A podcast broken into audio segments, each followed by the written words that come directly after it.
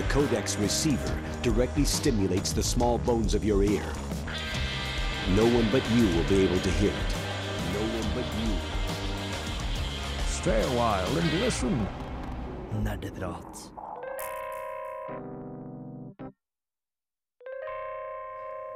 Dette er lyden av meg som ikke spiller Fallout 4. Eh, hei, det er nok en onsdag. Eh, det er nok en sending av Nerdeprat. Eh, og denne gangen så ofrer vi mer enn vanlig. For det tror jeg ikke er alene her om, i studio om å ha litt lyst til å være hjemme og spille Follat akkurat nå. Jeg heter Andreas. Jeg skal være din programleder i dag. Og med meg i studio har jeg blant annet Åse Maren. Hyggelig å se deg igjen. Hyggelig å se deg òg. Ja, ja, ja. Du, du hadde Jeg hørte rykter om at du ikke hadde, egentlig ikke hadde tenkt å komme i dag fordi du Ja. skulle være hjemme og spille Fallout. Fordi jeg, først og fremst har jeg veldig mye å gjøre, så jeg hadde liksom tenkt å sette de første tre dagene av denne uka til å spille Fallout 4. Uh, men jeg mista husnøklene mine, så jeg har ikke noe valg. Så det er, du er bare her fordi du, du, du må, rett og slett. Nei da, jeg er jo her fordi jeg liker å være med dere. Ah. Det er litt som et foreldremøte, egentlig. Man er jo der for at man må, men Ja. man kan si ikke det høyt. Og det var deg, Anders. Det var Du lyden av Anders Ja. som òg kunne tenkt seg å være hjemme i stedet for å være her. Kan vi ikke bare sette det i reprise og stikke hjem, da? Vær så snill. Anders, da. Du, du ikke eh, liksom Don't tempt me, Frodo. Altså, det, er, det, er litt for, det er litt for fristende til at jeg egentlig kan I dag på sånn, da. Nerdeprat kommer til å være fylt av fristelser. Ja. Var det, Punktum. Bak eh, teknikerspakene har eh, vi Torben. Yes, jeg kan trykke på knapper. Wey! Nei, hyggelig å være her. Jeg har lyst til å være her. Du har lyst til å være du, For Ja. du, du, har ikke, du har ikke kjøpt Fallout. Du er ikke en Fallout-person, egentlig. det, jeg har aldri spilt Fallout, og, men jeg føler meg fristet. Ja, fordi føler alle meg- snakker så mye om det. Fristelse, fristelse. Men jeg har også veldig lyst til å få gode karakterer på eksamen. Ja, ja. I hvert fall, liksom, i hvert fall stå. Det er liksom Ja. ikke stryke i samtlige fag. Men. Lånekassen er igjen neste år. Fallout release er bare denne uka. Og vi har også en uh, very special uh, guest. Uh, Jonas, hei! God dag, god dag. Eh, og du er blitt på en måte, Dine tjenester er blitt rekruttert av Anders. Eh, eh, ja, jeg på en Anders? måte inviterte meg sjøl i dag. Oh, ja. For jeg hørte at Anders hadde sånn radioshow som han var med på, og bare det hørtes amazing ut, så jeg har veldig lyst til å være her. ja, men så bra. Jeg hadde egentlig håpa at han skulle være vikar for meg i dag, så det jeg kunne, men nei, jeg Nei da, det er kjempetrivelig å ha deg med, Jonas. Så eh, si meg litt om deg selv. På en måte, kanskje litt, litt sånn noe spill spesifikt. da Ikke det at vi er uinteressert i deg som person, men eh, det er tross alt liksom, litt spill det handler om her da i dag. Ja, jeg skjønner. Uh, jeg er en ex-hardcore gamer. Jeg har spilt veldig mye av alt mulig slags spill. Men nå, etter at jeg startet å studere, fått meg et ordentlig liv, prøve å liksom komme det gående igjen, så er det mer på casual-nivået og det å, å se på forskjellige saker som skjer inni spillverden med, med liksom eh, sånne blader og sånne ting, og ser på den sida av, av greia i stedet for å spille spill sjøl. Det er litt ut som noen som snakker om at sånn, jeg pleide å være rusmisbruker. Det, eh, det, ja, det var absolutt inni den linja. Jeg, eh, som 14-åring som spilte jeg WoW. Det var Oh, ja, mm. Men skal vi, skal vi ta oss nær av det faktum at du sa at nå har jeg fått meg et ordentlig liv, så nå gamer jeg ikke lenger? Nei, nei. Nei, nei, nei, nei, nei. Eh, og det er kanskje ikke Vi pleier jo på begynnelsen av hver sending Nå kan jo du altså, I mange sånne eh, filmer og sånn Så pleier man å ha det man kaller en publikums stand-in. Typisk Harry Potter som vet ingenting. Så da kan alle de andre karakterene forklare noe ovenfor eh, denne karakteren, samtidig som de forklarer det utenfor for publikum. Nå har du litt den rollen, Jonas. Nå Jo. kan jeg si sånn Det vi pleier å gjøre, er Og da kan lytteren som aldri har hørt på oss før, liksom Å ja, så er det det som skjer. Så Jonas er Bella i Twilight. Ja. Ja. Eh, jeg, det er tar ditt, jeg, tar ditt, jeg tar ditt ord på det. Eller hun, hva heter hun, Anastasia i um, Hva heter det bøkene, da? Hvilke bøker? Fifty er Shades of Grey. bøkene med- Fifty Shades of Grey. Fifty Shades of Grey. Ja. Ja, ja. Mm. Det er du, Jonas, i dag. Ja, du, Takk, du, Anders. Takk. Det, det er de eksemplene som ligger nærmest ditt hjerte. Ja. Nei, så jeg bare lurer på hva er folk har spilt siden sist. Litt sånn uh, bring me up to date i livene deres. Eh, og nå er det om å gjøre å si Fallout 4 først. Fallout 4. Nå vant Eh, Anders. Jeg har, ikke spilt, jeg har spilt så veldig mye Fallout 4. Jeg har spilt litt Fallout 4. Um, jeg har egentlig bare spilt meg gjennom introen så langt. Ja. Uh, ja, så jeg har kanskje lagt en og en halv times tid aktiv spilling. Men det har kommet forbi uh, character creation-skjermen. Ja, men herregud, hvor lang tid jeg har brukt! um, men jeg holdt på der ganske lang tid. Bare, ja, er kinnbeina rett nå? Kanskje jeg vil ha litt annen farge på skjegget? Og jeg kan vri øynene hans 90 grader. Så kult! Men så endte jeg med å på, på en person som i et Betesta-spill ser faktisk ganske velfungerende og normal ut. Ikke minst har jeg brukt meg sjøl som modell til denne personen, så det er jo klart at det blir en skikkelig kjekkas av det.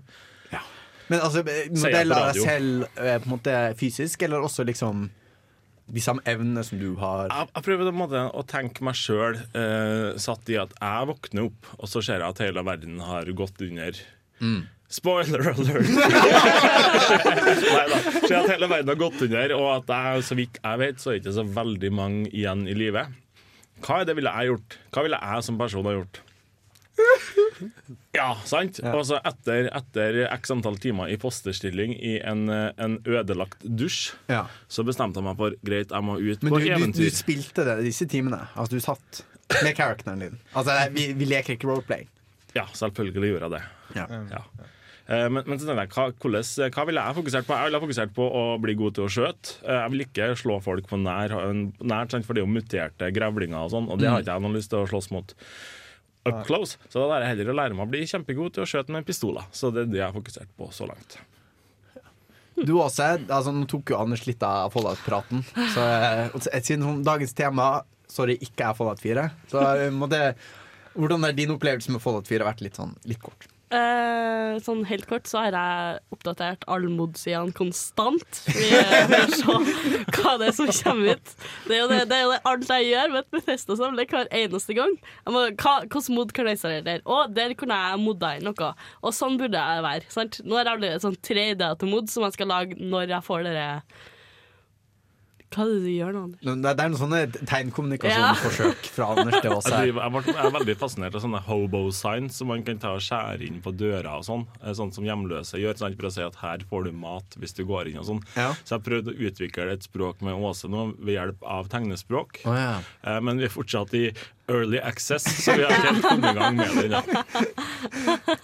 Ja, Du da, Torben, du har ikke eh, hatt fallout, men du har kanskje funnet et eller annet å bruke tiden din på likevel? Um, jeg må nesten skuffe litt og si at jeg har nesten ikke spilt noen ting. Denne uka heller. Du har blitt fornuftig, Torben. Du har blitt fornuftig, Det er det som har skjedd.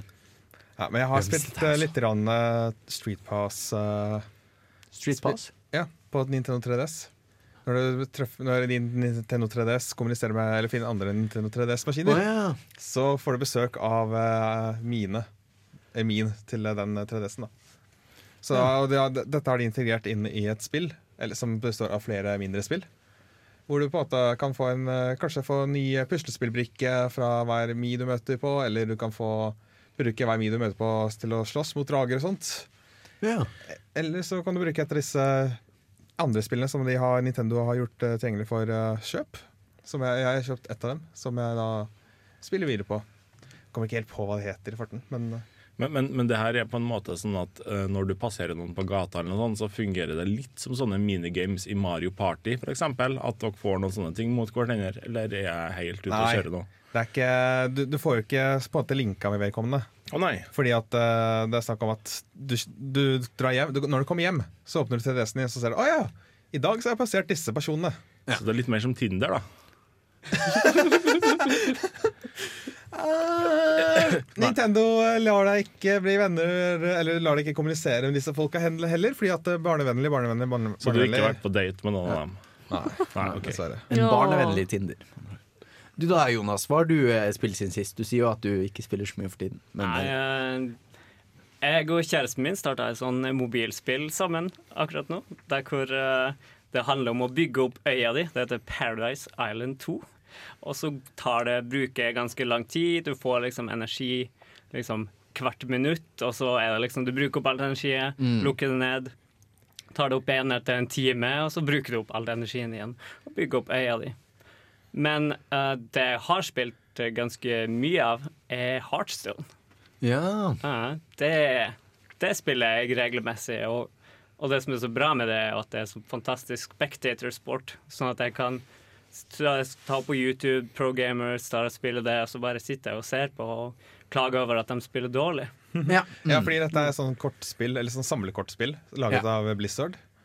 Som uh, på en måte er gjort veldig tilgjengelig, veldig, veldig tilgjengelig og digital variant av Magic the Gathering. Ja, det er veldig basic versjon av Magic the Gathering, og ikke sant, du kan spille det sykt casual fordi de har et bra ELO-system gående, og pluss at de har en sånn feature med, med, som heter Tavern Brawl, da, der hvor uh, det er bare basert på fun, og hver uke så er det noe sånn sykt random som skjer, og, og det er bare, Så, bare, sånn at det ikke gjør noe å tape, liksom. Fordi det er sånn Det er litt weird, og det er litt uh, ja. Akkurat. Det var fantastisk. Ja. Eh, Jeg har spilt Fallout. surprise, surprise.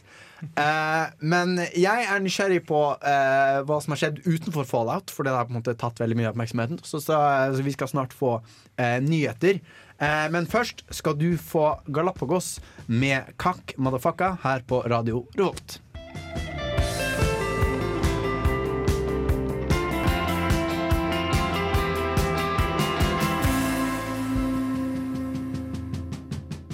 Radio Revolt tar over samfunnet lørdag 14. november klokka 20.00. Det blir livesending for Edgar, i tillegg til at DJs fra de ulike musikkprogrammene spiller rundt om på huset. Denne kvelden kan du sjekke ut hvilke programmer Radio Revolt har å tilby. Kun avbrutt av det nyeste innen musikk. Det blir gjester, konkurranser og god radiounderholdning fra Trondheims egen studentradio. Vi sees på Samfunnet lørdag 14.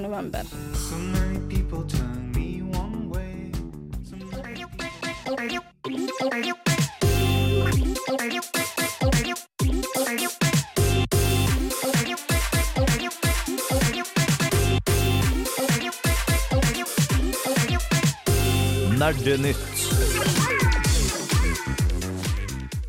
Ja, spillverden henger kanskje under liksom, eh, den atomsoppen etter Fallout, men du har likevel funnet noen nyheter til oss, eh, Anders. Det er helt korrekt, Andreas. Det er ikke så veldig mye å hente fram i eh, atomkrigens aftermath, men jeg har funnet fram til noen ting. Eh, blant annet så gir Konami en hjelpende hånd til en fan. Eh, den polske versjonen av Konan kommer om ikke så veldig lenge på film. Det har kommet en ny, det kommer snart en ny sesong til vår favoritt Farts ut der. Eh, og vi har prøvd å kikke litt på hvordan Fallout 4-mod som eksisterer nå. Ja, first thing first. Eh, Konami har eh, ja, Altså, vi må jo ha en Konami-nyhet hver eneste uke. Det oppstår sånne eh, spalter av seg selv. Ja, sant. Eh, og denne gangen så har vi beveget oss litt ut fra spillverden. For det er en, en britisk 25 år gammel mann som heter James Young, som for en stund tilbake mista, mista den ene hånda si i et eh, togrelatert ulykke, leste jeg på Kotaku. Ja. Eh, det Konami da har sagt, at de har slått seg sammen med en sånn, en sånn cyber wizard som heter for Sophie de Olivera Barata. Hun er en sånn, ja, altså jobber med proteser og sånn. Så de skal gi han ei fullfunksjonell armprotese, som er akkurat som arma til Big Boss Nå antar jeg Metal Gear Solid. Og så er det, er det bare jeg som tenker PR-stunt her nå. Altså det er klart at det er litt altså han, eh, James Young her, altså det var ikke tilfeldig at han ble utvalgt, for han er en sånn eh, Etter at han mista armen, så har han fortsatt å lage Jeg vet ikke om han har laga Let's Play eller Twitch-stream, eller hva han har gjort, men han har i hvert fall engasjert seg videre som, eh, i diverse spill. Eh, og det her syns jo Konami blant annet var jævlig kult, så de har bestemt seg for at nå skal du få ei multifunksjonell Metal Gear Solid-arm av oss. Det er jo på en måte snakk om en vinn-vinn-situasjon. da Konami vinner litt eh, god PR, som de sårt trenger. Og, og denne mannen får eh, en eh, armprotese som er skikkelig kul, og gjerne ser ut som favorittkarakteren hans, vil jeg tro. da Og jeg lurer på om eh, altså Square Enix som står bak Dios X, og de er bare sånn Faen, vi skulle tenkt på dette først! For der har du virkelig armproteser. Men, eh, men du har jo spilt eh, Metal Gear Solid, Anders. Er, er den protesen en er, er, Han har en protese. Ja, Big det er- Boss. Ja. Og, det, og er det liksom en big deal i eh, Metal Gear Solid? Altså, Jeg ser ikke for meg at den godeste James Young kommer til å få alle superkreftene til, til Snake av den grunn. Jeg håper ikke det. Sånn en, en sånn skjult kanon eller noe sånt? Eller at de kan slå dobbelt så hardt, eller noe sånt. For da er han i hvert fall sikra jobb som kickbokser resten av livet. Men altså, det er ikke noe sånn jeg, jeg, altså, jeg, Den har jo altså eh, Hva det heter for noe? Medisinsk kybernetikk, er det det heter? Det har ikke kommet så langt at du kan lage en sånn superrobotarm med jetmotorer som gjør at du kan Woo, jeg skal til månen i dag. Men altså, det, det begynner jo å nærme seg at du kan få til en ganske god eh, bevegelse på den. Ja. For jeg er fortsatt der at de prøver å være like bra som menneskearmer fram til vi kan få til noen som er supermye bedre. Vi prøver å være Star Wars, men vi er ikke helt der okay, ennå. League of Legends sin sesong fem eh, er nettopp blitt ferdig nå, og nå annonserer de at det kommer kjempemange store endringer i neste sesong, som starter nå rett før jul. Jeg synes det, det er noe av det som er mest spennende med, med e-sport. Er at det er en sport hvor reglene forandrer seg. Altså, fordi det er jo ingen som liksom Fifa sånn OK, da var den sesongen med fotball over. Til neste sesong så skal det bli lov å bruke armer. Vi skal se hvordan det fungerer. Altså, liksom, Og du har ikke lov til å touche ball mer enn ti ganger på rad før du må sentre videre til neste. Ja, så, altså, men LOL de, altså, og Riot Games de bak LOL De er veldig på at de, de skal forandre eh, League of Legends eh, hele tiden. Ja, eh, det er veldig sånn eh, hva, skal jeg si? Eh, Noen ganger så er det, er det litt irriterende òg, for at det er mange ting som bestandig fungerer. Og så er de altså Her er det snakk om nærmere 120 champions som skal balanseres opp mot hverandre. sant? Uh, og, og nå, uh, i en periode, så har de vært på et ganske godt punkt der ting har fungert mer eller mindre. sant? Det har vært noe som har vært dårligere enn det andre og sånn på balansen. Så snur de det bare opp ned igjen! Ja, men det er jo helt klart. Altså, League of Legends er et så stort spill at de kan ikke balansere det. Med en gang de har 100 balansert et sånn type spill som, som tjener penger på uh, sånn pay Du betaler for få heroes og sånne ting, så mister du basisen din. Du må, du må snu på det, la metaen endre seg, og så uh, altså, shake things up for å skape brukervilje. Ja, jeg tenker at Noe å sammenligne med er jo nettopp Magic the Gathering, som vi nevnte i stad. Ja. Der det har masse, masse, masse kort. Sant? Fra liksom 90-tallet og frem til nå, tusenvis. Hvor, ja, altså, det er helt Jeg tror det er ufattelig tusenvis av mange kort. Expansioner nå. Ja, altså, ja, Noe sånt, ja. Ja. Men det er Ja. altså i Magic the Gathering så er det jo noen kort som er bedre enn andre, og det er noen som spilles i turneringer, og det er noen som ikke spilles. Mm. Og sånn er det på en måte bare, og det er på en måte bare et fakta i livet, da, skal jeg si. Samtidig som de tvinger folk til å kjøpe nye kort ved å eh, begrense det til eh, de eh, fire siste årene eller noe sånt. Fire. Ja, det er kun i modern, da. De kjører vel sånne blokker, gjør de ikke? det? De sier at nå, kommer, nå starter vi på en ny blokk, altså som en ny runde med annen type kort. Og innenfor Ah, her ikke- så kommer det seks expansioner Ja, sånt. de glir litt over i hverandre. Ok. Så det er ikke bare blokk for blokk, men det er på en måte Jeg har ikke spilt uh, Magic the Gathering siden Ursas Saga, tror jeg det heter. Og det var sånn, Det var det beste! ja, men det var i 1998 eller noe sånt. Så er. Ursa-blokka er den beste.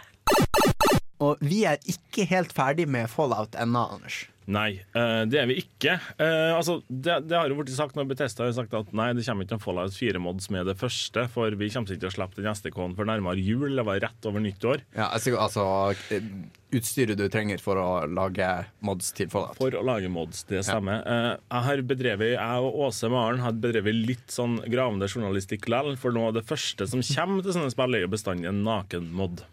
Det er altså ikke tilfellet. Det har ikke kommet noe ennå! What? Hvordan skal man stirre på puppa da, tenker du? Det har tatt to hele dager. Ja, what? Hva, hva har skjedd med verden? Noen må gå! Opprør! Erna må gå! Men det har i hvert fall kommet en uh, sånn reskin som gjør at det står en hot babe og sånn på undertøyet til hun dama. Ja. Men ikke ta mannen. Ikke ta mannen. Men den, he- den heter jo sånn immersive eh, et eller annet. Og det er faktisk sant, fordi der uh, Fallout 4 er satt, New England, så har de et spesifikt der, sånn fotballteam, sant? Ja. Eller sånn amerikansk fotballteam, da. Og, en av dere, og det immersive med det undertøyet er at det er liksom logoen deres på rumpa. da. Ah. Ja. Men det fikk meg litt til å tenke, da. Eh, For dere, eh, i hvert fall Andreas og Åse, dere har jo spilt litt grann Fallout nå. Eh, Sånn, altså ikke tresifra antall timer med Fallout ennå. enda. Hva slags mods er det første dere vil se? Altså, det er noen sånne eh, For min del så er det noen sånne balanseringsting som trengs. Eh, For eksempel så er det sånn at det er en sånn crafting-system. Men eh, hvis du skal få alle ti eh, Altså hvis du, du finner eksempel en, en klokke. Og ut fra den klokken så kan du få tannhjul, du kan få en fjær osv. som du kan bruke til å bygge andre ting. Men eh, per i dag, hvis du vil få alle de tingene fra den, så må du slippe den på bakken, gå inn i sånn craft-modus, og så trykke på den, og så trykke breakdown. For når du gjør craftinga, så tar du egentlig og disassembler hele klokka ned til de grunntingene du lager Ja. den ut ifra. Ja, men hvis du, bruker, hvis du ikke går inn og gjør det, så får du bare én ting. Sant? Fordi én klokke inneholder kanskje fire forskjellige komponenter. Men hvis du bruker den direkte, så får du bare én komponent. Og det er litt sånn, Jeg antar det bare er en bug eller noen sånne små feil eller noe de ikke har tenkt på. Men det er noen sånne småting. Som gjør ting som egentlig burde ha vært Ja, sånn fort ja, gjort. for det er det, det, er det jeg trenger så langt. Det kommer til å, jeg kommer til å fucke spillet mitt fullstendig etter hvert. Men foreløpig er det jeg savner, er noen sånne småting. For eksempel, jeg vil vite hvor companionsene mine er, for det er det ingen enkel måte. og sånt som det. Ja, jeg vil ha flere companions på en gang. For det er sånn jeg hater å fære rundt der alene. Jeg bruker alltid å ha sånn to-tre followers. Jeg vil i alle fall ha én human og han horden. Jo, du kan ikke det, Fordi det kunne du tidligere, vel. I Kunne det? Du ikke at måte I Skyrim kunne det. Ja, at måte, ofte så har hundecompanions gått måte som i et annet system enn de vanlige, Ja. vanlige companions. Mens i Fallout 4 så kan du ikke det, og det syns jeg er veldig dårlig. I tillegg så vil jeg ha noe som heter full body awareness mod. Sånn at når du ser ned med kamera i spillet, så ser du kroppen din. Mm. For det er en sånn liten detalj som utgjør så stor forskjell for meg personlig. Og jeg merker det også når jeg zoomer ut, så tar det et sånn lite split second før jeg ser kroppen idet jeg zoomer ut. Men det kan hende noe med at jeg spiller på en urgammel laptop med low quality og 30 FPS. Du tror det? Kanskje. Takk for at dere spurte meg, forresten, hva jeg savner. Uh, Vi bare antok at du kom til å bare buse ut med det. inventory management. Jeg liker ikke måten du, du kikker hva du har på deg, hva du har med deg. Nå er det sånn at du aksesserer alt sammen gjennom Pipboyen, altså altså den dataterminalen du har på venstrehånda. Og det er veldig slitsomt, for du må scrolle nedover. Det er ikke noe mulighet til å søke. Altså hvis, hvis, jeg har lyst til å, hvis jeg har lyst til å kaste ifra meg noe som starter på W, for eksempel en watch, da må jeg scrolle hele veien nedover. Ja. Altså jeg tenker sånn, I Skyrim så hadde du den Sky UI-moden, sant? Og den var fantastisk. Og det var, altså det var, man måtte ha det på PC nesten for å spille Skyrim og ha det fint skal jeg si, i livet sitt. Men uh, jeg tenker jeg, jeg tror at det eneste jeg savner med Pippoin, er det å søke. Mm. For jeg tenker, du kan ikke ta Sky Sky UI-formlene over på deg, for jeg vil fortsatt bruke en Pipboy, på en måte. Fordi du, du har jo tatt denne Pippa-opplevelsen enda et steg også. Ja, ja, jeg lasta ned appen, Ute. Og da, Først så fikk jeg ikke det å koble til, men så gjorde jeg litt, et eller annet med ja. Techno-magic. Ja, Techno-magic. et eller annet sånt. Masse technobabble. Så da får jeg noe til å sette mobilen min og ta noe strekk rundt på håndleddet, sånn at jeg fer gjennom inventoryet mitt og maps og alt sånt der. Sånn i real time, da. Og det syns jeg er helt fantastisk. Men er det kjappere enn å liksom hente opp menyen, eller er det bare morsommere? Det er bare morsommere. Jeg tror det tar like lang tid, cirka. Jeg har ikke mord sånt, da. Du må time det, du må gjøre litt forskning. Det skal jeg faen meg gjøre nå.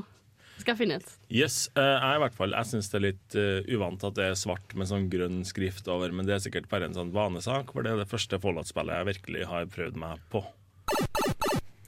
Platiche Films, eh, det er et polsk filmstudio. De skal lage en film av The Witcher. Dette er altså den polske konaen som du har lovet oss. De er den polske konaen. Geralt er den polske konaen. Filmen, filmen er sagt at den skal komme i, i 2017. Ja. Uh, det tises litt om at det her kanskje er den første i en filmserie. Uh, kanskje kommer det en TV-serie òg. Uh, uh, Regissøren er spikra. Manusforfatter er spikra. Ingen roller er spikra ennå. Eh, Vet du noe om disse regissørene og manusforfatterne? Hva de har gjort før? og sånt? Uh, det ah, Regissøren heter Tomek Baginski. Uh, han er visstnok vært Oscar-nominert, men jeg så at det kun var polske filmer han har laga tidligere. Så, Det kanskje ikke så rart. Så det var ikke noe jeg kjente igjen. Men, men uh, ene manus, manusforfatteren er Tanya St. John, Som hvis det høres litt kjent ut, så er det for at dere kanskje har sett det på rulleteksten til Roswell eller Lewis and Clark, altså den Supermann-serien. Eller Buffy the Vampire Slayer. Så det kan bli tøft. Ja, kult. Og dette er da basert på bøkene The Witcher. Ja, altså vi har jo kommet tre Witcher-spill som baserer seg i det universet som han Andrej Sakowski laga en gang på 80-tallet, tror jeg det var. Og eh, filma, filmen skal visstnok ta for seg handlinga i to av de bøkene der, sånn, så det blir kjempespennende å se. Uh, har noen av dere lest bøkene, forresten? Nei. Nei. Nei, det er altså Geralt er jo en Witcher, og, og han er jo superikonene. sant? Det kommer jo kanskje godt frem i spillene òg. Men det, det er litt andre, handlinger. altså Det er mye slåssing med forskjellige monstre og sånn. Men et par av bøkene er i hvert fall sånne små noveller der han bare renner rundt og jakter det sånne supermonster rundt omkring. Og jeg tror det blir kjempekult. For du, du har lest bøkene og liker det, og det, du tror dette blir Ja, eh, jeg er kanskje litt unik i denne studioet akkurat nå, for jeg har ikke spilt spillene, men jeg har lest bøkene. Mm. Eh, så så jeg, er veldig spent på Jeg tenkte jeg skulle holde meg unna Witcher-spillene og bare snakke med dere etter at filmen har kommet ut. For å se om min Geralt passer bedre overens med filmen enn deres Geralt. ah, Det har vært spennende. Det var det vi hadde av nyheter for i dag. Eh, du skal eh, få en låt, og etter det så eh, skal du få høre et eh, intervju. Fordi jeg og Chris vi var innom eh, Gløshaugen i helgen fordi det var eh, et LAN. Eh, Casual Gaming, som er tilknyttet eh, løst tilknyttet on online med Linjeforeningen til informatikk. De arrangerte et eh, LAN der, og vi var innom og snakket med folk. Og vi snakket også med Karsten, som er med Casual Gaming. Så, så jeg sitter her med, med Karsten fra Casual Gaming. Eh, nestleder i Casual Gaming. Nei. eh, Nei, ikke. nei, nå blander jeg. Ja. Jeg er bare et helt alminnelig medlem. Jeg har Ja. tidligere vært leder og nestleder, men det begynner å bli noen år siden nå. Så jeg har bare litt ja. Men du har, du har vært med en stund, og, og nesten helt fra begynnelsen. Så du kan kanskje fortelle oss litt om uh, hvorfor ble Casual Gaming starta? Det kan jeg absolutt. Uh, Vi starta under Linjeforeningen online, som er linjeforening for informatikk her på universitetet. Eh, Og Først var det en underavdeling bare for informatikk. Så det var et LAN bare for dem som var her. Det kom kanskje 50-60 stykker eh, per LAN. Etter hvert så oppretta vi eh, en litt større gruppe, og vi endra formålet, så vi skilte oss litt fra online. Vi var fortsatt underlagt dem, men vi hadde, ikke, vi hadde egen vi hadde kontroll over egne ting. Så vi åpna LAN-et for eh, flere andre. Vi åpna LAN-et for alle andre linjeforeninger, f.eks. Uh, fall alle som hadde adgang til det bygget her vi sitter i nå i starten. Nå er det åpent for alle studenter. Eh, og da vokste både basen vår og eh, medlemstallet vårt. Så vi var kanskje en 7-8 stykker i starten. Nå har vi 25 stykker i gruppen. Eh, og vi starta med bare for å være for online, og nå har vi arrangerer vi to LAN i semesteret. Ett LAN for studenter her på universitetet, og et stort LAN i Tronika-hallen for alle i Trondheim. Så vi har vokst noe så enormt over de årene jeg har vært med. I selve Casual Gaming-gruppen dere som arrangerer, så er det både folk fra informatikk, men også fra andre, andre linjer og som studerer andre ting. Det er folk fra alle linjeforeninger. Det er, vi har litt av hvert. Vi har fra Nabla, vi har fra Delta, og vi har fra Emil. Så det er folk også, Vi har folk fra HIST til og med, så det, vi har en stor gruppe. Og så har vi folk som ikke studerer i det hele tatt. Så vi er en ganske stor gruppe nå.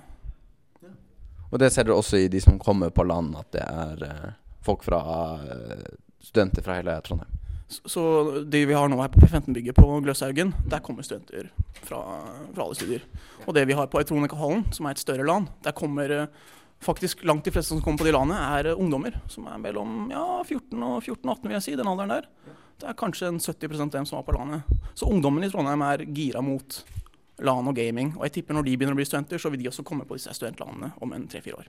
Ja, for de ser at eh, er, det, er det dere som har blitt større og større, men er det også det at folk har blitt mer og mer gira på, på LAN? Jeg vil nå nesten heller påstå at det er oss som har et større tilbud å reklamere mer og få ordet vårt ut mer. For at LAN har alltid vært veldig populært. Det ser vi jo på sånn som DreamHack f.eks. Det har alltid trukket gamere. Det er en, øh, en stereotyp om at de som spiller dataspill, ikke er sosiale og har lyst til å sitte hjemme i en kjeller foran skjermen sin og ikke snakke med folk. Men som du ser her, så er det absolutt ikke sant. Gamere er like sosiale som alle andre. De har bare en interesse som kanskje virker litt asosial. Så når de får samlet seg, så får du sett alle få PC-ene på samme rom og får hengt en hel helg, og da er folk her døgnet rundt og koser seg. Hvor mye av eh, landet er kompetitivt? For dere ser dere har konkurranser i bl.a. League of Legends og CSGO. konkurranser er absolutt noe som har trukket eh, Vi startet med å ha 500 kroner gavekort, premier. Og nå siste land hadde vi 30 000 kroner i premier. Ja, så vi har steget ganske heftig på den fronten. Når det gjelder de som er med å konkurrere, så er det visse spill som trekker mye mer enn andre. Og det varierer fra år til år. Så en ting som vi må gjøre på landet, er å finne ut av hvilke spill som folk har lyst til å ha konkurranser i. F.eks. for eksempel i starten var det et spill som het Starcraft 2, som hadde veldig mange deltakere. Og nå er det ingen. Nå er det kanskje to eller tre som har lyst til å spille det. Og det som er stort nå, kommer igjen, er Counter-Strike har kommet igjen, som tidligere ikke var så populært. Så det går litt i bølger hva folk spiller. Eh, Men hvis du spør meg hvor mange på landet er det som konkurrerer aktivt, så er det faktisk ikke så mange. Jeg har ikke lyst til å gi deg noen prosent, men det er, ikke, det er ikke mange folk som gjør det. De fleste er her bare for å være sosiale og kose. Du hører på Radio Revolt, studentradioen i Trondheim. Når innså du at du var en gamer? Dersom du kunne spilt kun et spill i et år Hva er det eldste spillet i backloggen din? Og du var på en øde øye i helvete mens du var 11 år gammel Hva har du lært fra spill som du har fått nyte av i hverdagen? Er det et spill som har hjulpet deg gjennom en tung periode av ditt liv? Hva er ukas spørsmål? Jepp. Nå eh, sist eh, søndag så var det farsdag. Eh, og i den forbindelse eh, Og det er i den forbindelse vi har ukas spørsmål, som er Hvem er eh, Altså, hvem hadde fortjent denne World's Greatest Dad-koppen? Hvilken spillfigur er det som fortjener den koppen og ha den stående på kjøkkenet sitt? Faren din fra Fallout 3. Hvordan annen pappa er det som redder verden? Hvordan annen pappa er det som renser vannet? Det er, det er nesten litt dårlig gjort å komme med liksom, fasitsvaret så fort. Det er liksom, å- liksom OK, nå får du låten, og så går vi videre i programmet. Men altså, han redder verden, men bryr han seg egentlig om ungene sine? Er, er det liksom Altså, en ting er at han er James heter, eh, heter faren din i Fallout 3. Han er en veldig bra mann, men er han en god far? Mm, nettopp. Altså, eh, hva om han bare sånn Nei, jeg mista fotballtreninga di, for jeg var busy med å redde verden. Altså, Alle andre syns jo at wow, du må være kjempeheldig. Nei, pappa kom aldri på fotballtreninga mi. Ja, men han er jo der i Walter hver dag nå, frem til han går ut av det Fram til han forlater deg! Til å bli Når- når skutt du er på. igjen. Ja, hvor voksen er du egentlig? Jeg vil Jeg tenker, altså, det er bedre at du er i det Walter enn at du blir med ut i Wastelandet. Ja, men Du må ut uansett, fordi det er eh, overseeren prøver jo å drepe deg. Spoiler alert. Jeg føler I Fallout-spill så er det lov å snakke om det meste som skjer fram til du går ut av alt det. Eller jeg vet ikke. Usikker. Spoilers, spoilers. Fallout 3 er det lov å snakke om. Anyway, er det greier? Jeg vil argumentere for at Bowser er, fortjener Dad of the Year-awarden. Altså, Hvis vi skal se på beviset med Baby Bowser og hvordan han er blitt opplært til å få faren sine moraler og finne på egne ting med å stjele Peach, ikke sant? Det er jo et primereksempel på bra far. Altså, du mener en, en bra far er en som gjør at barna hans blir mest mulig like seg selv? Nei, ikke nødvendigvis, men i forhold til det å, å gi videre sin moral, Ja. og, og fortsatt gi rom for selvstendighet. Ikke sant? Det er det. Det er det jeg føler jeg er en bra far. ikke sant? Ja, men Er det noe bra når eh, faren har ræva moral? Men moral er jo bare fra synspunktet deres igjen, så Hva er moral? Hva er Hva er, hva er frihet? Nei, ja, men eh, Det var interessant å se altså, eh, i Mario-universet. på en måte Hvordan har Bowser det? Kanskje han bare prøver å på en måte, gjøre sånn som han alltid Og I tillegg så har jo eh, Bowser Jr. Han har jo en del sånne faktorer som spiller rundt. Altså Ikke bare for Bowser, men altså Bowser er jo en konge, han òg. Han heter jo kong Gopa, tross alt. Så han har jo en del materielle verdier han kan ta i tillegg til en far som bryr seg om en. Og det syns jeg er ganske viktig her. Det eneste han trenger, er en mamma, og han prøver jo konstant å kidnappe seg en mamma. Eh, men han har ei mor. Det her har vi snakka om før! Det var en referanse til tidligere sending. Mario-sendinga. Look it up. Men en annen, et annet aspekt på det er jo liksom hvem som er mest uh, famous av Baby Mario eller Baby Bowser. Altså, Han har jo gjort det riktig for sønnen sin og, og skapt en karriere for han. Ja, det er Jeg- sant. Ja, ja. Nei, jeg står for Boser, altså. Bowser, Står Ja, for Bowser. liksom.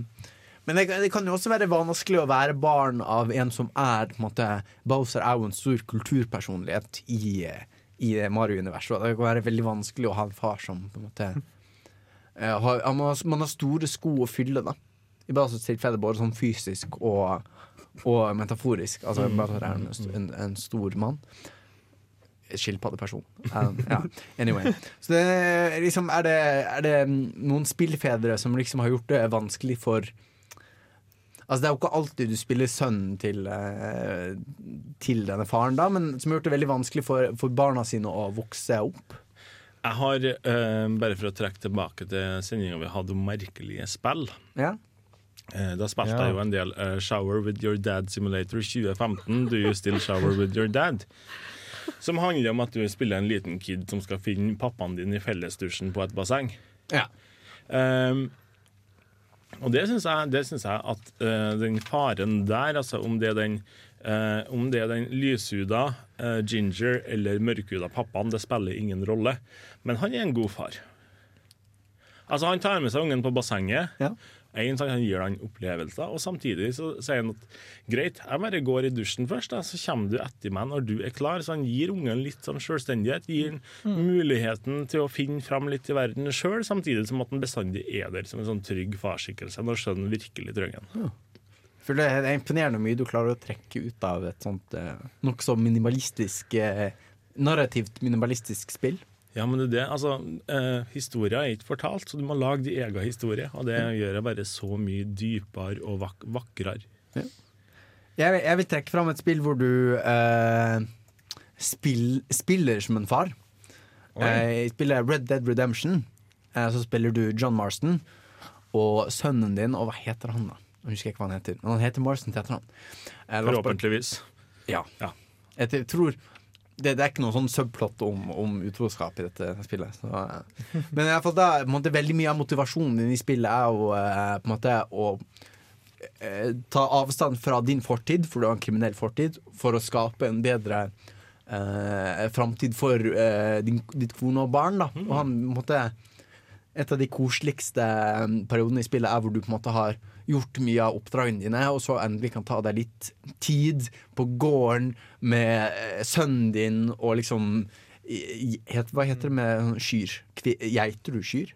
Altså de, de driver kveget sånn Mm, foran seg og liksom har litt sånn lærer han praktiske ferdigheter. Cowboying. Ja, cow cowboying, rett og slett. Og på en måte lære sønnen din praktiske ferdigheter, da, som John Marston. Det er eh, kult. Um. Mm. Men jeg tror også at han blir et, et forbilde, sånn, for, uh, forbilde for sin sønn. Jeg skulle ønske jeg har spilt et spill hvor du liksom enten er far eller har en far. Men jeg eh, innser at jeg har liksom ikke Du har jo Pokémon, Torben. Der er jo Ja. veldig tydelig. Hæ? så så, så eh, Pokémon-pappaen får liksom uh, Worst Dad of the Year. Fordi ja, fordi at uh, i hvert fall i animeen så er eh, Den offisielle forklaringen på faren til Ash er at eh, han også er en eh, Pokémon-trener som er ute i verden og farter. Og kanskje vil han og Ash sine stier krysses en gang, men hvem vet? Altså, han valgte karriere framom sitt eget barn. Jeg føler det, det er en gjengang i disse, disse spillpappaene. Altså. Altså, jeg hadde også tenkt å nevne for eksempel Heihachi Mishima, som er øverst i Mishima Corporation fra Tekken. Men han slåss jo bare med ungene sine. Ja. Det samme gjør Kazuya også. Ja, sant. Så det er bare kjipe foreldre i Tekken. Og det er jo en far i Saints Row 2, den eh, asiatiske gjengen. Der er det Ja. en far som er forferdelig mot ungen sin. Jeg vil nominere han til verst far. Ja, for det er den japanske gjengen du slåss mot? Ja, Ja. de med katanaen. Ja. Det er også en sånn, altså Han er mer opptatt av eh, gjengen enn sin egen sønn og sånne ting. Ja, så har han altså han det veldig harsh mot sønnen sin gjennom hele spillet, og det fører jo til et enormt kompleks til sønnen sin, Ja. som da igjen går ut og dreper folk. verste pappaen eh, Nå drar jeg begrepet pappa. Eh, vi kan si sire of the year. Eh, det er i Vampire the Masquerade Bloodline. For der starter jo spillet som en vampyr som har vært, du har- blitt gjort om til en vampyr. men Av det- noen, ja. Av noen. Eh, og den noen blir drept helt i introen av spillet pga. at det var ikke sanksjonert at han eller hun skulle få lov til å lage en vampyr. Så han er også fraenværende, da, denne personen. Hadde bare forlatt deg. Altså han, han, han eller hun brøt loven, og så døde de for det. Jeg vil nominere min karakter i Kim Kardashian Hollywood til verdens verste mor. For nå er jeg Det er jo sånn at jeg blir sulten etter hvert. De ungene du adopterer, de er jo sånn tre-fire måneder, kanskje. Og jeg har ikke spilt det spillet på en halv måned, så det betyr sannsynligvis at denne ungen har eh, Altså, i virkeligheten så hadde han jo For-. For en utrolig hersketeknikk å bruke mot folk som spiller dette spillet. Du Ja. spiller det hver dag, så sulter ungen din i hjel! Ja, men når du går inn på det babyrommet, så er det sånn «Åh, åh, Vi vil ha et eller annet. Du har ikke kommet til oss på så lenge og så lenge.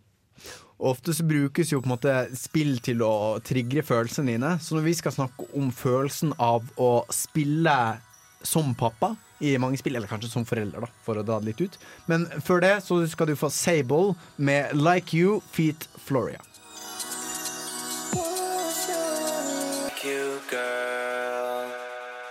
Radida til bardaga. Ja, ra ra radida. Ja, Fyll bardaga. Nerdeprat på Radio Revolt! Ja! Vi har diskutert saken og kommet fram til at dette var Like You featuring Flow Rida, og ikke Floria, som noen har skrevet i, i da databasesystemet vårt. Vi, vi beklager for denne, denne feiltagelsen. Beklager, Florida. Ja, og spesielt er er Florida personlig. Er, er det Florida som er Florida Man? Den er kjent, ja. kjente Florida. Nei. Eh, vi snakker om eh, forslag. Vi snakker om eh, pappaer og mammaer. Og det er på en måte en vanlig eh, protagonistrolle. Altså at du, du som spiller Spiller en, eh, en pappa eller en mamma. Og, og jeg lurer på litt hva hvordan oppleves det å, å spille som en, eh, en far eller en mor i, i dataspill? Eh, Det tror jeg kan oppfattes ganske kult i forhold til hvordan spill det er. Og eh, for eksempel da eh, Sims. Der, der har du gjort masse sånne psykologiske uh, tester og sånne ting på hvordan, hvordan det er Hvordan du blir fucked up da, med å kontrollere andre mennesker, sånn sett. Men det viser seg at det er fantastisk bra spill sånn utviklingsmessig for hvordan man skal eh, håndtere andre mennesker og liksom hvordan skape relasjoner og alt sånne ting. Så det lærer deg å være en forelder. Altså at, at barn spiller Sims, og de bruker dette som en måte å lære hvordan de skal være uh, foreldre overfor, overfor barn, altså i spillet. Det, ja. Huh. Så det er litt som å leke eh, mor-far-barn. Absolutt. det er bare akkurat eh, simulator.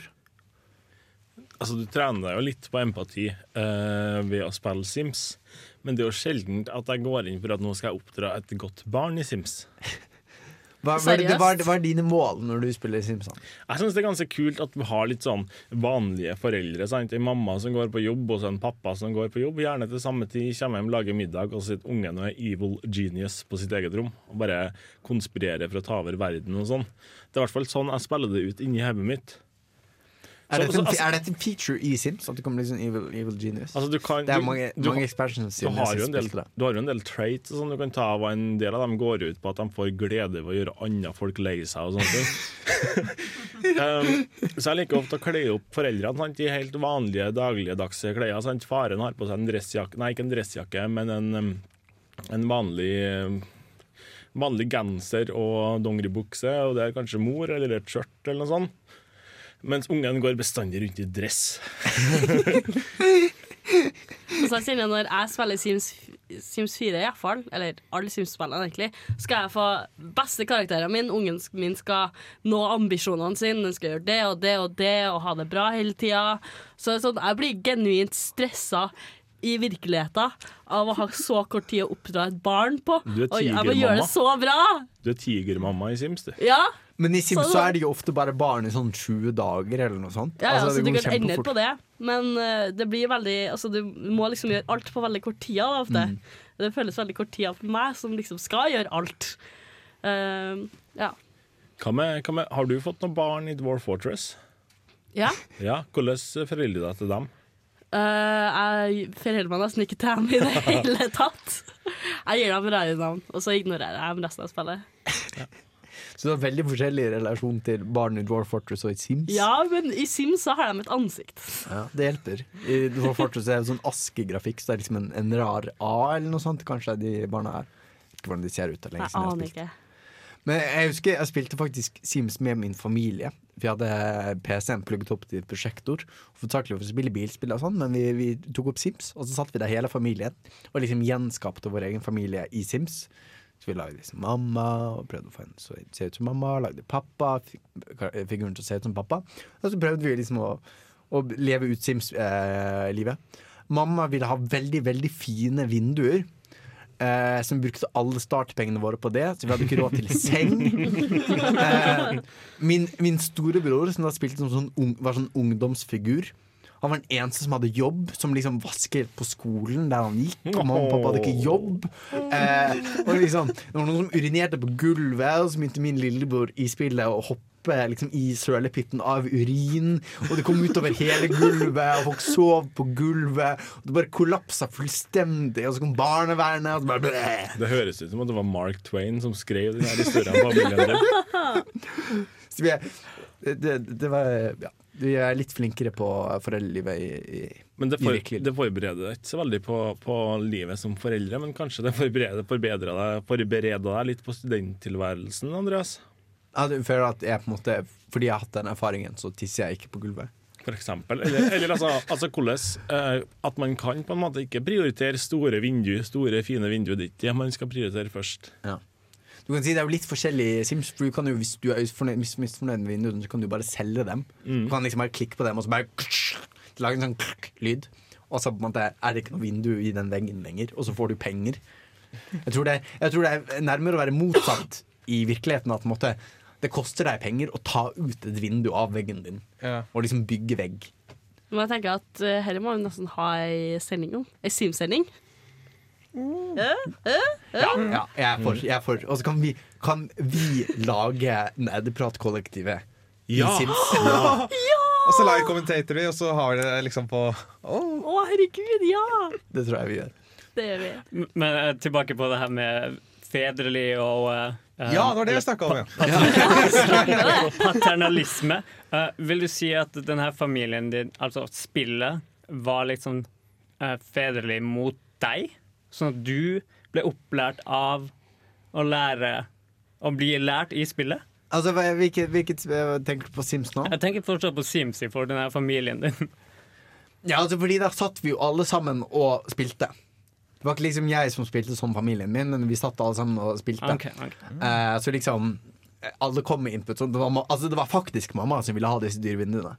Altså, det var mamma out of game. Ja, ja, ja, Så de sa 'Å, de var fine! De må vi ha!' Og den, den fine designerstolen må vi ha. Uh, så det var liksom, vi satt alle sammen. Og så det, det ble ikke noe Altså Jeg vet ikke om Sims er et bra sånn demokratisk spill. Altså at det blir liksom Jeg tror ikke nødvendigvis det sånn, blir bedre om man sitter og liksom alle gir input på avgjørelsene. Jeg tror kanskje det er bedre òg. Hvis man sitter én person, så kan man gjøre mer fornuftige, fornuftige avgjørelser. Men hva var det egentlig du mente? Eh, jeg mente i forhold til hvis det hadde vært et spill som, som lærer deg opp som en forelder, eh, at spillet er på en måte den, den eh, Spillet er din far? Ja, Liksom? på en måte. At det, at det blir å oppføre seg fedrelig, eller Altså som- paternalistisk, altså på en måte at det er overstyrende og på en måte Men er ikke Snakker vi om achievements- er ikke achievements i alle spill litt sånn, litt sånn, sånn Ja, nå er du flink, du har drept 1000 fiender. Klapp på skuldra. Altså, det er jo en faderlig Spillet er endelig glad i meg! Å, den er, Enn at den så at jeg gjorde det, at jeg drepte nummer 1000. Takk, pappa data. Det ble veldig trist, egentlig. Men, eh, men ja, altså om på en måte at spillet i en sånn Altså på en måte når du begynner å spille et spill, så er du nesten et barn i spillet, og så må du på en måte vises rundt i spillet hvordan du skal spille. Liksom. Så At man trenger en tutorial, som du sier. Altså. Ja. Og på en måte man trenger en sånn Og det er jo nesten litt morsomt i, i Fallout 3, hvor faktisk tutorialen er at du er et barn og vokser opp, og at dette blir på en måte en både noe bokstavelig og noe Hva skal vi si metaforisk.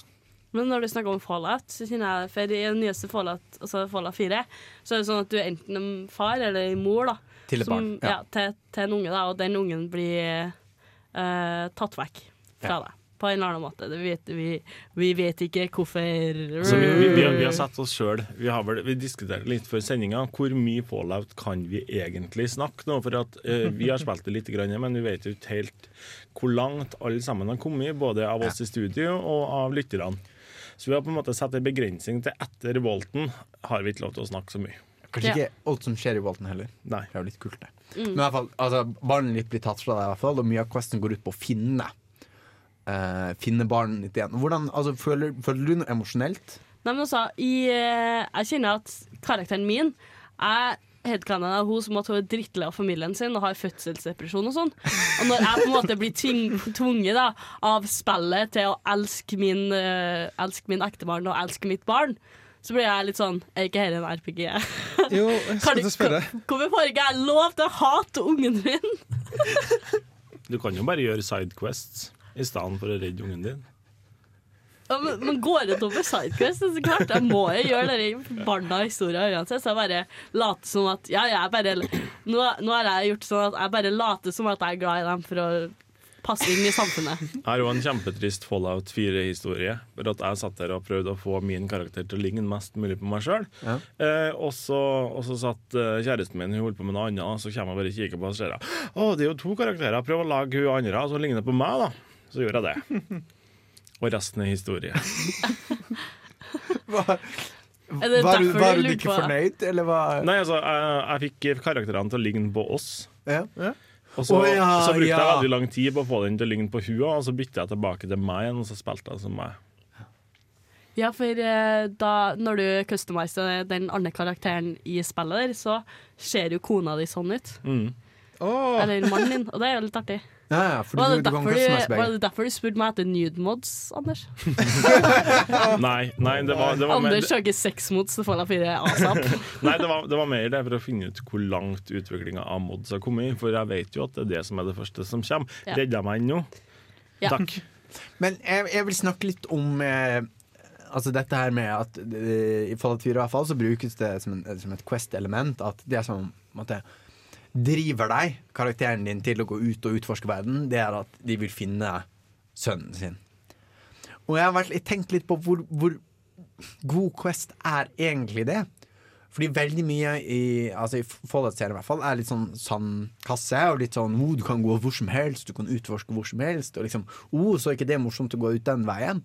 Men det er liksom at det trekker deg litt i to retninger. For jeg tror ikke at liksom, Hvis jeg skal sette meg litt inn i rollen, og da kanskje går jeg litt uh, inn i rollen min på en litt forskjellig måte enn deg også, fordi jeg, i hvert fall, jeg merker at hver gang jeg spiller på en måte en sånn uh, farskarakter, så treffer det meg veldig, og jeg blir veldig sånn dratt inn av det. Men da føles det veldig rart. Og liksom 'Jeg må redde sønnen min!' Men å, se den! Hulen så spennende ut. Og liksom Det virker så Det er en sånn dissonans, da. At man på en måte skal De vil at du skal engasjere deg og liksom redde sønnen din og sånn, men du skal også liksom Samle synes det er morsomt flaskekorker. Ja, samle Ja, ja. flaskekorker og slåss og på en måte ha det moro og sånn. Og at det blir en sånn øh, Det passer ikke helt sammen, da. På en måte, at, Mm, at, mm. at det liksom Historien som prøver å fortelles, og hvordan du spiller det, blir i praksis to veldig forskjellige ting. Nei, men jeg tror, jeg tror, jeg tror at eh, eller jeg- Så langt som jeg har kommet meg nå, da, så tror jeg at Fallout redder seg inn litt på akkurat det der. Fordi det forklarer liksom på en måte at det, det er ikke så enkelt som at du bare kan Å, nå er jeg redd sønnen min. Det er liksom litt sånn. Men jeg skal ikke spoile noe, da. Men jeg syns at historien har reddet seg inn på akkurat det punktet. da okay. Av det jeg har opplevd så langt. Du, og du har kommet litt lenger enn meg. Uh, ja, Fordi jeg- tydeligvis. Ja, det tror jeg. Fordi jeg, jeg har eh, fått spilt ca. ti timer. Jeg syns det var ganske imponerende. Jeg er Og så hører jeg at du har spilt 22. 22 timer. Ja, Jeg har blitt level 2, Jeg har blitt level 2 folkens. Level 2? Ja. Jeg har blitt level 18. Jeg er level 10. Cirka en level level i timen, da. Ja. Men, men eh, hva altså, Nå har ikke du spilt så mye, Anders, men hvordan hva på en måte Føler du at det ville passet inn med din hvordan du spiller spillet, og liksom bare sånn "Eh, Fuck den ungen. Nå skal jeg liksom bygge hus i to timer. Nei, kanskje ikke bygge hus i to timer. Eh, De to timene brukte jeg jo på å lage karakterer. men men eh, man, kjenner jo at, man kjenner jo at det er en sånn overhengende greie, men samtidig så tenker jeg såpass metagame at jeg vet at det har ikke noe å si om jeg bruker en time på å utforske ei hule før jeg finner sønnen min. For eksempel. Altså, det er ikke noe stress. Han er der uansett.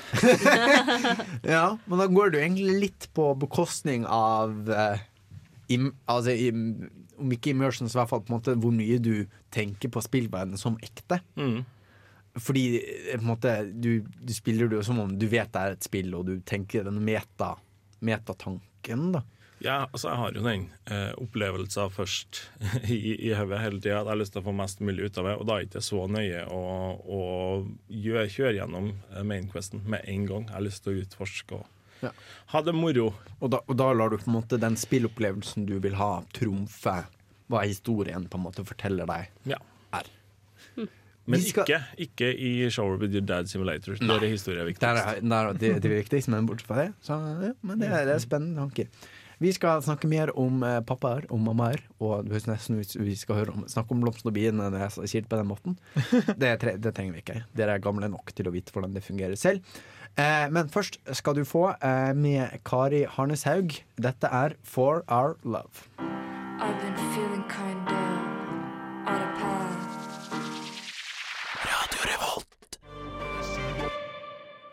Det var lett å være rebell i kjellerleiligheten din av eh, Carpe Diem. Eh, vi snakket om eh, hvordan det var å spille som en forelder i eh, spill.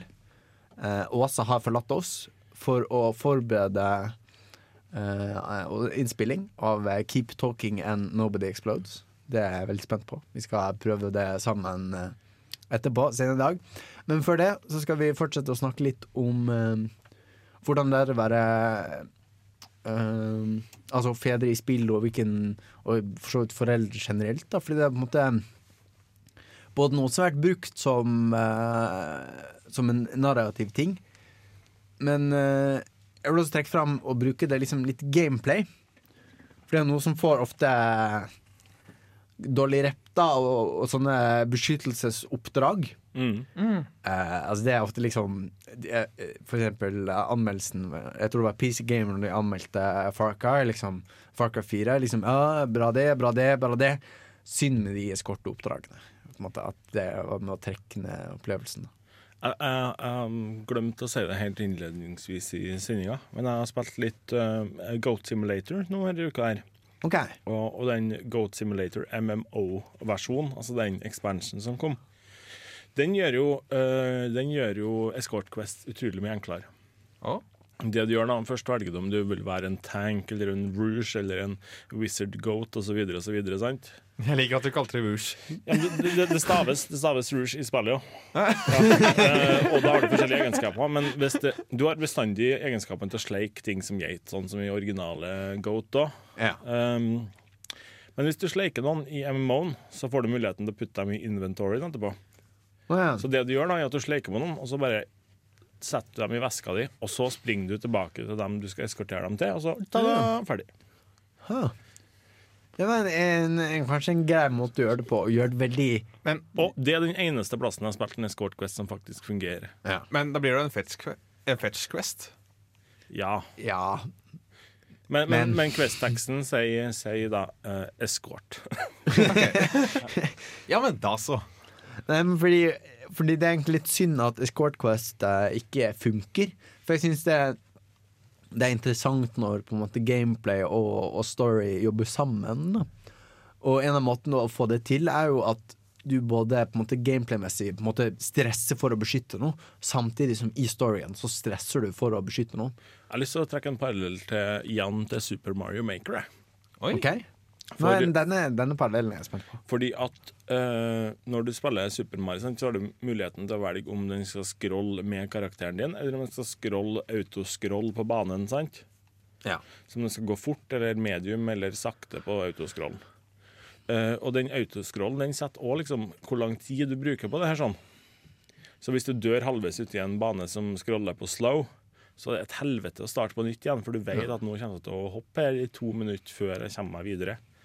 Og det er det samme med Escort Quest. Så. Fordi at det er bestandig en gitt eh, Altså en gitt hastighet på den du eskorter. sånn, den går sakte, sant. Og så, eh, som oftest så går de, og du springer hele tida, for du har autorun på. Sant? Ja, Så, så, så du, du er aldri i samme tempo som den du eskorter. Bortsett fra i uh, spillet Last of Us, som er en hel lang eskorte-quest. Men der hvor hun uh, Jeg husker ikke hva hun lille jenta Ellie? Den heter? Ja, ja, ja, kalle det. ja, mhm. Ja. Og der er, det jo, der er det jo heller at du skal beskytte henne mot zombiene og, og menneskene og sånne ting. Men, men du, eh, du velger hastigheten, da. Mm. Så jeg, jeg syns de gjorde en veldig bra sånn. Ja, jeg må si, altså det er eh, på en måte, Når vi snakker om framstilling av eh, foreldre-barn-relasjoner i spill, så mener jeg fortsatt at Last of Us er skal vi si gullstandarden. Altså det er et av de, de kraftigste emosjonelle opplevelser jeg har hatt med et spill Jeg ever. får, jeg får litt frysninger når du Ja, ja. sier det. Altså, jeg, jeg får ikke bare frysning, jeg blir litt sånn Jeg får en sånn uggen følelse i magen. Hver gang jeg tenker på Last of Us, så blir jeg litt sånn føler meg nesten litt dårlig. Fordi den sitter sånn i meg. Ikke fordi jeg var for å være slem, men jeg har ikke opplevd Last of Us. Så skal, skal jeg, kan jeg spørre hvordan Hva, hva er greia? Hva, ok, eh, For å gi en kort oppsummering om hva Last of Us er Eller hvorfor det funker så bra? da, Hvorfor denne- det funker så bra Denne far-datter Um, Nå er det en sånn Hvor mye skal man spoile? Det er, det er et litt gammelt spill Så uh, Last of Us begynner Uh, Du er Joel Og du er uh, i huset ditt uh, Sammen med din datter Mm. Um, og så hører det Jeg jeg husker ikke helt hvordan Men det, det er liksom Hører noe på nyhetene om at et eller annet har skjedd Et eller annet forferdelig som skjer Og liksom det er masse eh, Voldelige folk Og på en måte, ok, vi må bare eh, Vi må komme oss vekk herfra. Du liksom finner, finner pistolen din, du finner datteren din Kommer dere ut i bilen, dere må bare stikke herfra Fordi nå, nå går verden til helvete Og liksom dette er det verden holder på å kollapse. Og du vet ikke Mm. helt hvorfor, alt er forvirrende Men du, måtte, du vet bare, du må passe på datteren din.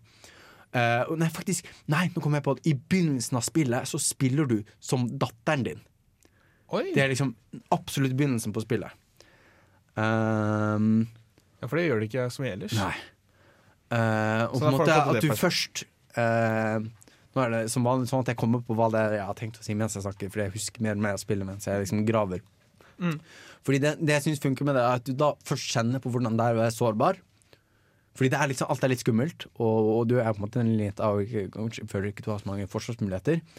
Eh, men etter hvert så når du, Og når du da tar over kontrollen av Joel, som er en ganske sånn robust kar, kan vi si, så på en måte husker du kanskje fortsatt hvordan det var å spille som den, den, eh, den sårbare, da. Og på en måte Ja. du tar med um, uh, datteren din i bilen uh, for å flykte. Og i løpet av mens dere flykter, um, så dør datteren din. Og det er liksom slutten på begynnelsen. Boom! Eh, og så er det fem år senere, eller noe sånt. Ti år senere, jeg husker ikke. Men det var mange år senere. Så på en måte vi, eh, møter vi denne brukne mannen. Som på en måte er blitt Han er blitt kynisk, han er blitt voldelig. Og han, og han lever i en sånn altså Det er en postapokalyptisk verden eh, hvor eh, det er en form for zombier som på en måte terroriserer eh, verden. Og det er på en måte små, små klynger av sivilisasjon som holder seg fast. Og du er på en måte blitt en, en mann av denne verden som på en måte eh, tar det du vil ha, det du trenger, med makt. Og så, på en måte, så du begynner på en måte der hvor måte, du var trygg og lykkelig, og så blir du knust. Eh, og så får du et u, eh, uventet oppdrag. Du skal eskortere en liten drittunge eh, til et eller annet sted langt, langt borte. Eh, og det er sånn ah, helvete. Og det er på en måte eh, den sure eh, gamle mannen. Og det er på en måte det, det, denne, dette spillet er, det er den reisen. Med Ja. denne lille snørrungen. Som du gradvis, gradvis måte tar eh, større og større plass som, som datteren din. Og det er på en måte hele spillet er denne reisen dere har sammen. Om hvordan du gradvis blir mer og mer tilknyttet til den. Og det er det som gjør at dette funker. Sant? Fordi Ja, fordi mange det er veldig sentralt i spillet. Ja. At Hele det- spillet handler om det Dette- forholdet. Dette er, hele, forholdet handler, hele spillet handler om det forholdet. Og det er veldig mange spill som på en måte sier sånn Ti minutter! OK, nå skal du bry deg om den personen. Nå dreper vi den personen. Nå skal du bry deg. På en måte, og det er ofte sånn, føler jeg sånn Jeg har ikke rukket å, jeg har ikke rukket å bry meg ennå. Du får virkelig tid til å bry deg Og, den personen. Og det er det som gjør at den på en måte det spillet fortsatt sitter med. At det er på en måte en, eh, en relasjon jeg brukte veldig mange, mye tid på. Da. Nå har jeg bare kommet en disclaimer. her først. Jeg uttaler meg ikke som sosialpedagog og ikke som privatperson, men mer litt sånn ut ifra spillnarrativen sin del, så er det kanskje bra om barn dør. Altså Um, altså, altså, at, det at, at, det, at det blir en bra historie av det. Det blir en bra historie av det. I stedet for at du har et barn, eh, sånn som i Fallout, da, for eksempel, der du skal finne barnet ditt, så er jo ikke det noe som trigger alle sammen. Men hvis det der, sånn som du eh, beskrev i Last of Us, hvis det skjer først i løpet av en sånn introsekvens, så har du, har du mer forklaring på hvorfor karakteren din er på den måten som karakteren, karakteren din er på. Altså, tenker du at spillkarakterer ofte er litt sånn voldelige, rare mennesker, og at det på en måte Det gir- trenger en det- forklaring? Det gir ikke bestandig meninger, nei. Nei.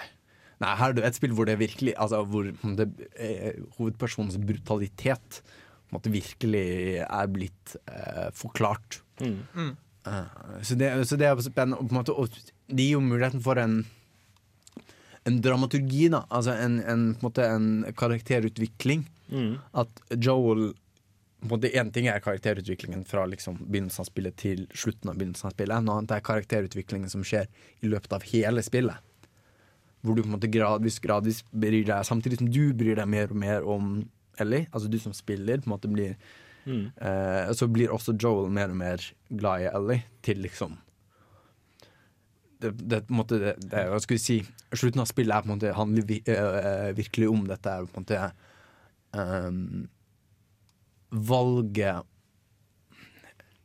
Jeg vet ikke hvor mye jeg vil si om den slutten, fordi, men, men det handler om på en måte eh, hva man er villig til å gjøre for å beskytte noen, da. Mm.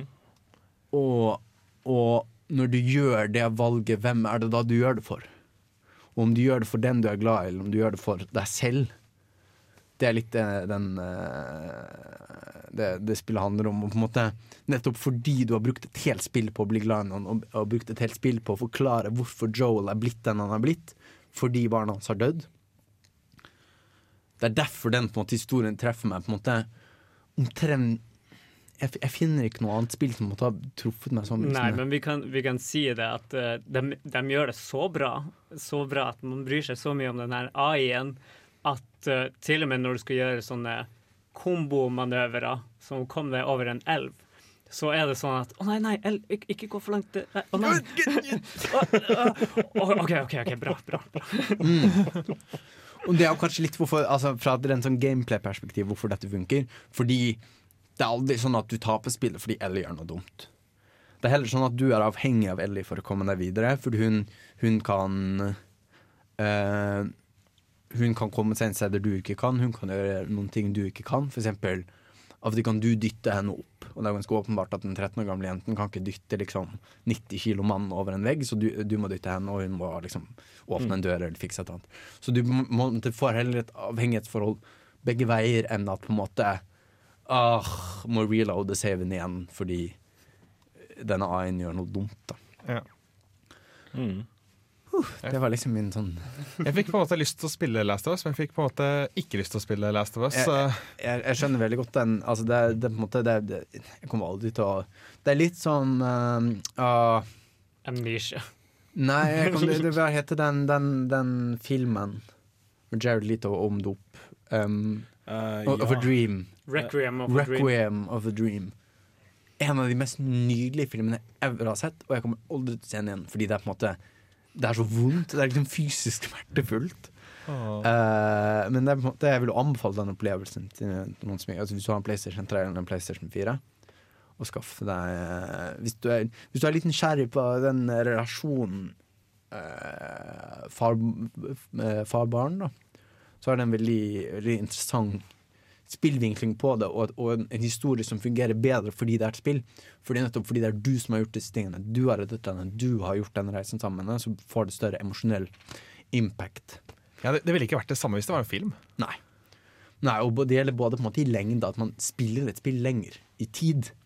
Og det er også mange sånne relasjoner handler om tid. Men det brukes jo òg veldig ofte i film som den samme typen motivasjonsfaktor for at hovedpersonen skal gjøre det samme som de gjør i de spillene her. Ja, ja. Så mer det jeg tenkte egentlig når jeg sa at det kanskje er greit at ungen dør. Altså, for den får, det, får, det får jo handlinga i gang. Ja, samtidig så er jo på en måte eh, Sånn som i Fallout 4, da, altså det er jo på en måte en grunn til å få deg ut i verden. Altså Mm. Fordi ungen din er der et sted, så må du liksom ut og utforske. Så det er på en måte en en aktiviserende ting, istedenfor på en måte en at barnet ditt dør kan potensielt sett være en, på en, måte, en passiviserende ting. At det på en måte Jeg må bare stille et spørsmål angående eh, Fallout 4. Ja. Føler du at du bryr deg om ungen idet du starter spillet? Altså idet du kommer ut av Walton? Altså, jeg Ja. Altså, Men du- det, det, du- det du blir litt spiller- for Altså, jeg bryr meg veldig i det jeg står over Altså, helt i begynnelsen av spillet. Mm. Når på en måte helt i begynnelsen av spillet Så er du liksom i ditt lykkelige eh, 50-talls amerikanske hjem. Og liksom Kushi, kushi, kushi. Og du spinner den der eh, De har en sånn, hva heter det, um, uro. Ja. Altså en sånn snurreting over sengen, lille krybben. Og liksom snurrer på den, og sånn. Da bryr jeg meg veldig. Og, og når liksom sirenene går, liksom OK, vi må komme oss til Vjelvøy vi må stikke av. Da bryr jeg meg kjempemye. For det er ungen der, det er kona mi der, og på en måte OK, vi må gå! Så jeg bryr meg veldig om det jeg kan se. Mm. Med en gang dette barnet bare er et konsept, Mm. så blir det mye, mye mindre virkelig. Nettopp fordi det er spill, så trenger jeg liksom noe som minner meg på at dette er virkelig. Uh, så jeg brydde meg veldig i Bioshock 2. Eh, fordi da kunne du se barnet ditt innimellom. Mm. Du fikk liksom sånn uh, Hun la inn sånn audiologs som du kunne høre, og liksom holde nærhet. Men veldig lenge i Fallout 4 så kommer dette barnet til å være bare et konsept.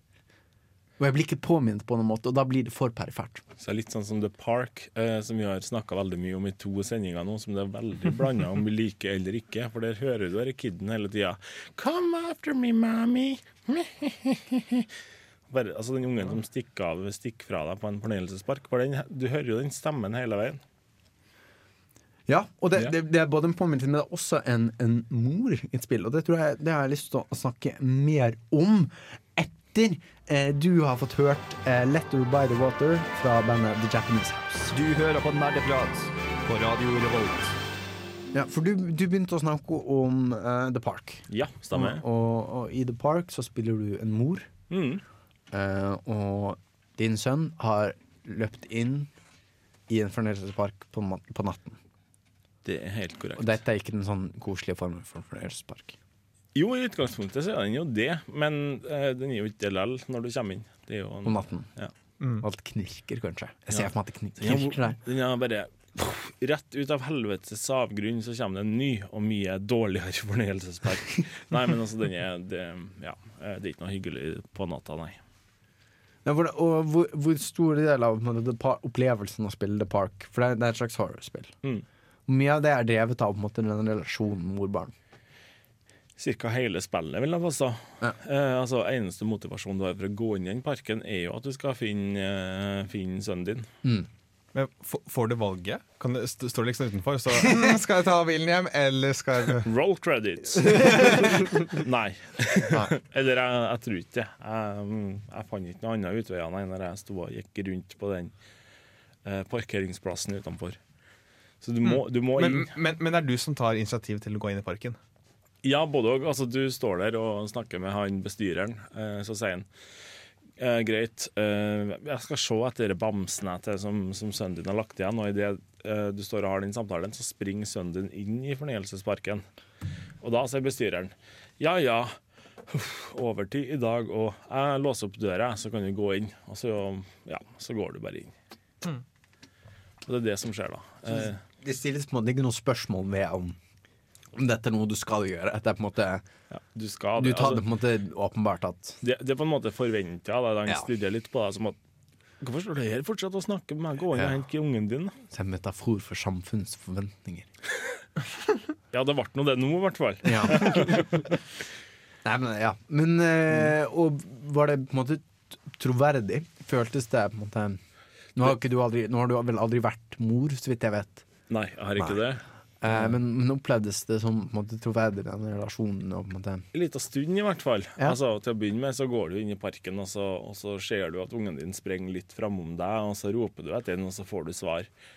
Men den knappen for å rope etter ungen din, den, den er med hele spillet. Ja. Eh, og det er jo begrensa hvor mange forskjellige strofer, altså måter du kan rope etter sønnen din på, pluss svar du får tilbake som er spilt inn. Ja.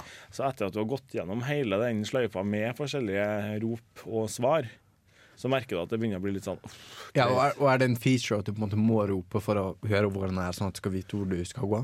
Nei, det er ikke det, men altså, det er jo en, altså, styringa er jo som en first person shooter, og det er jo binda oh, ja. til høyre musetass. så Det er ganske naturlig at du trykker der ganske mye. Ja.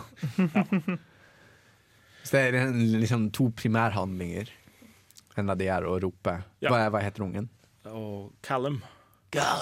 Callum, come here, Callum. John. Mom is waiting for you, Callum. Fordi jeg bare husker Heavy Rain. Mm. Når jeg spilte det. Også et Ja, eh, det PlayStation 3-spill. Der har dere også litt med sånn uh, sønn, far-sønn-forhold, Ja. har du ikke? Og der, der har du Sean-knappen. Sean! Sean! uh, og det er en eh, Det eneste på en måte, det jeg tenker på hver gang vi snakker om å rope etter barnet sitt, så er det en, en YouTube-video om en bug. Fra liksom sluttscenen i spillet, klimakset. Mm. Hvor det er et eller annet som, en bug som gjorde at han måtte kontinuerlig rope Sean gjennom hele den scenen. Sean! Sean! Sean! Gjennom hele scenen og ødelegger litt, det alvoret i situasjonen. da Og det er til og med sånn at altså, i den scenen så det er på en måte cinematisk, for det er styrt. Og så på en måte faren er borte en stund, og så kommer han tilbake. Da hører du liksom i horisonten Sean! Og så blir det sterkere og sterkere når han kommer nærmere. Så det er tydelig at de har simulert at han måtte, er rundt omkring. Da. Så det er eh, morsomt fra et teknisk perspektiv. Men så det, er- det er den parodien jeg tenker på når jeg hører sånn roping etter, etter Sean. Da. Det er også det bare, bare det er klart- Fallout 4. Det er jo klart at det er mer, mer til foreldrerollen enn å bare renne rundt og kauke etter ungen din, forhåpentligvis. Så vidt jeg vet, er det det eneste man trenger å gjøre. Ja. Jeg har aldri spilt noen sånn bleieskiftsimulator eller noen ting. Du, det tror jeg kun finnes i Japan. Jeg tror jeg til og med får med sånn peripheral. Ja, Hvis du eller du kan kjøper- komme på Arka- Arkade, og så er det Ja, liksom sånn eh, baby-simulator. Eller Kjøp limited edition, så får du med en bleie på kjøpet. Ja, du får med en faktisk baby. Mm. Ja, men det, det der er jo litt interessant i spill i forhold til det at eh, det er ikke ofte en, en baby du skal ta vare på. Det er alltid et barn. Du er forbi den her småbarnsforeldregreia. Ja, ja. Fordi som vi vet, så er småbarnsforeldre de lykkeligste menneskene i verden. De bare har ikke nok av søvn, og de bare er helt utslitt og sånne ting. Og så er det kanskje ikke så mange muligheter, i hvert fall hvis, hvis mange av disse spillene er på en måte shooters eller på en måte sånne spill, så er det ikke så mye mulighet for liksom Hvis du skal holde bare ungen i en armen. eh, liksom, og da føles det litt uansvarlig å renne rundt i liksom en skyte... jeg, jeg, jeg, jeg bare ser for meg Duke Nukem eh, gå med en unge i ene armen. Ja, jeg syns det hørtes veldig ut som en bra pitch til en Arnold-film, men ikke noe annet. Altså, altså, altså en move hvor du kaster ungen i været, trekker to pistoler, skyter alle, og sier det er den siste fyren liksom velter over, så lander babyen i armen igjen. This week, this dad means serious business. Og så, sprenger, og så kommer eksplosjonen bak, akkurat det han griper, og så sånn, vaier håret litt. Så både Ja. babyen og pappaen på seg solbriller. Ja, ja, ja.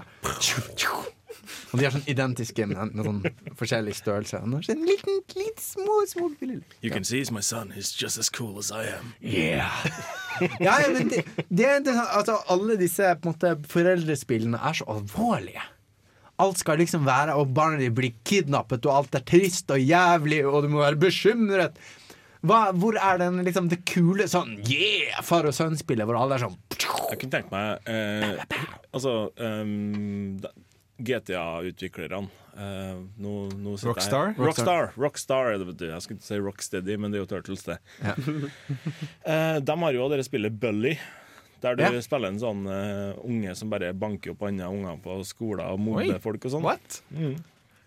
Nei, Jeg kunne tenke meg en sånn blanding av det pluss The Sims. At ungen din kommer tilbake og nettopp fått buksevann på skolen, og sånn Og så må du bli med tilbake på skolen og banke opp den ungen som ga ungen din juling. Du, du kan ikke se for deg noe kontroversielt med et spill hvor du spiller en voksen som banker barn. Det her er jo Rockstar, så det går ikke Rockstar-spill er aldri kontroversielle. Liksom. Ja, men de har, du, kan, du kan vel ikke treffe på unger i GTA? I Grand Theft Finnes Auto? det barn i Grand Theft Auto?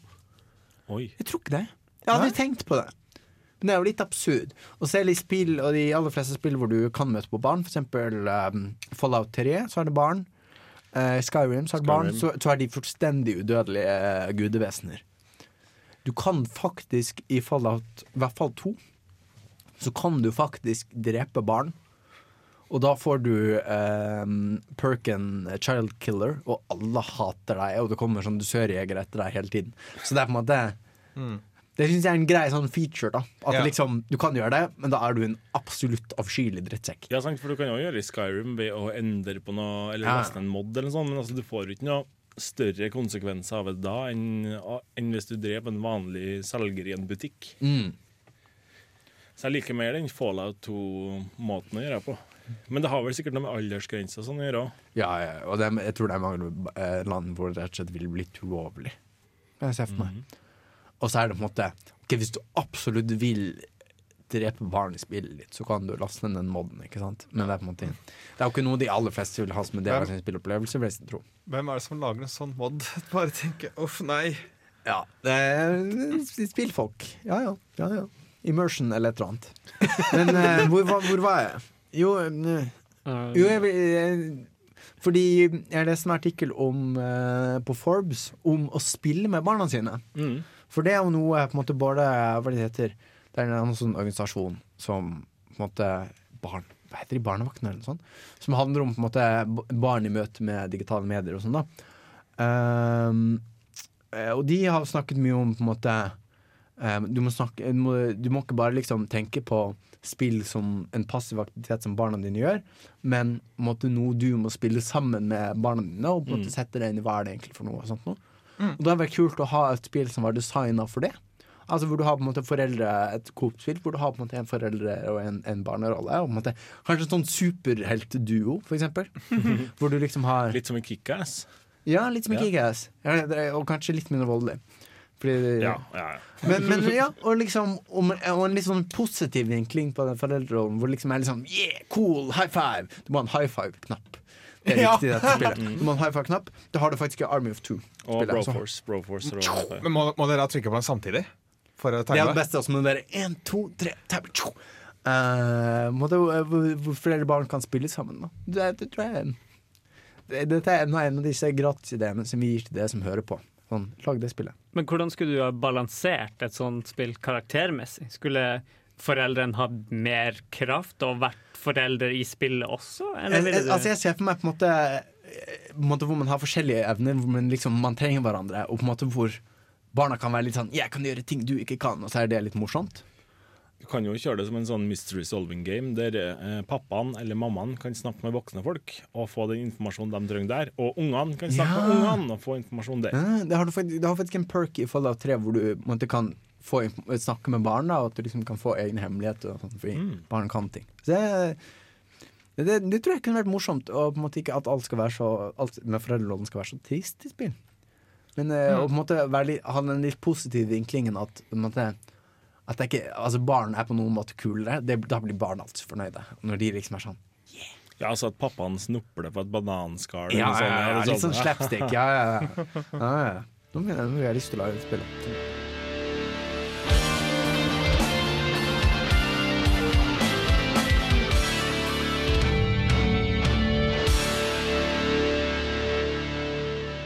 Har i dag eh, snakket om eh, foreldrene i spill, og hvordan det er å spille som eh, pappa.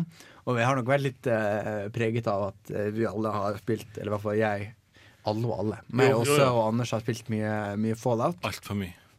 Altfor mye. Kan man egentlig spille altfor mye? Nei. Nei, det tror jeg, det tror jeg faktisk er eh, umulig å spille for mye Fallout. Bortsett fra kanskje når øynene mine faller ut. Eh, og jeg tror vi skal, vi skal eh, Neste gang så skal vi fortsette litt i den tråden. Fordi det, det blir vår uh, nest siste sending. Det blir liksom siste vanlige sending. Og så skal vi også ha en Game of the Year spesial.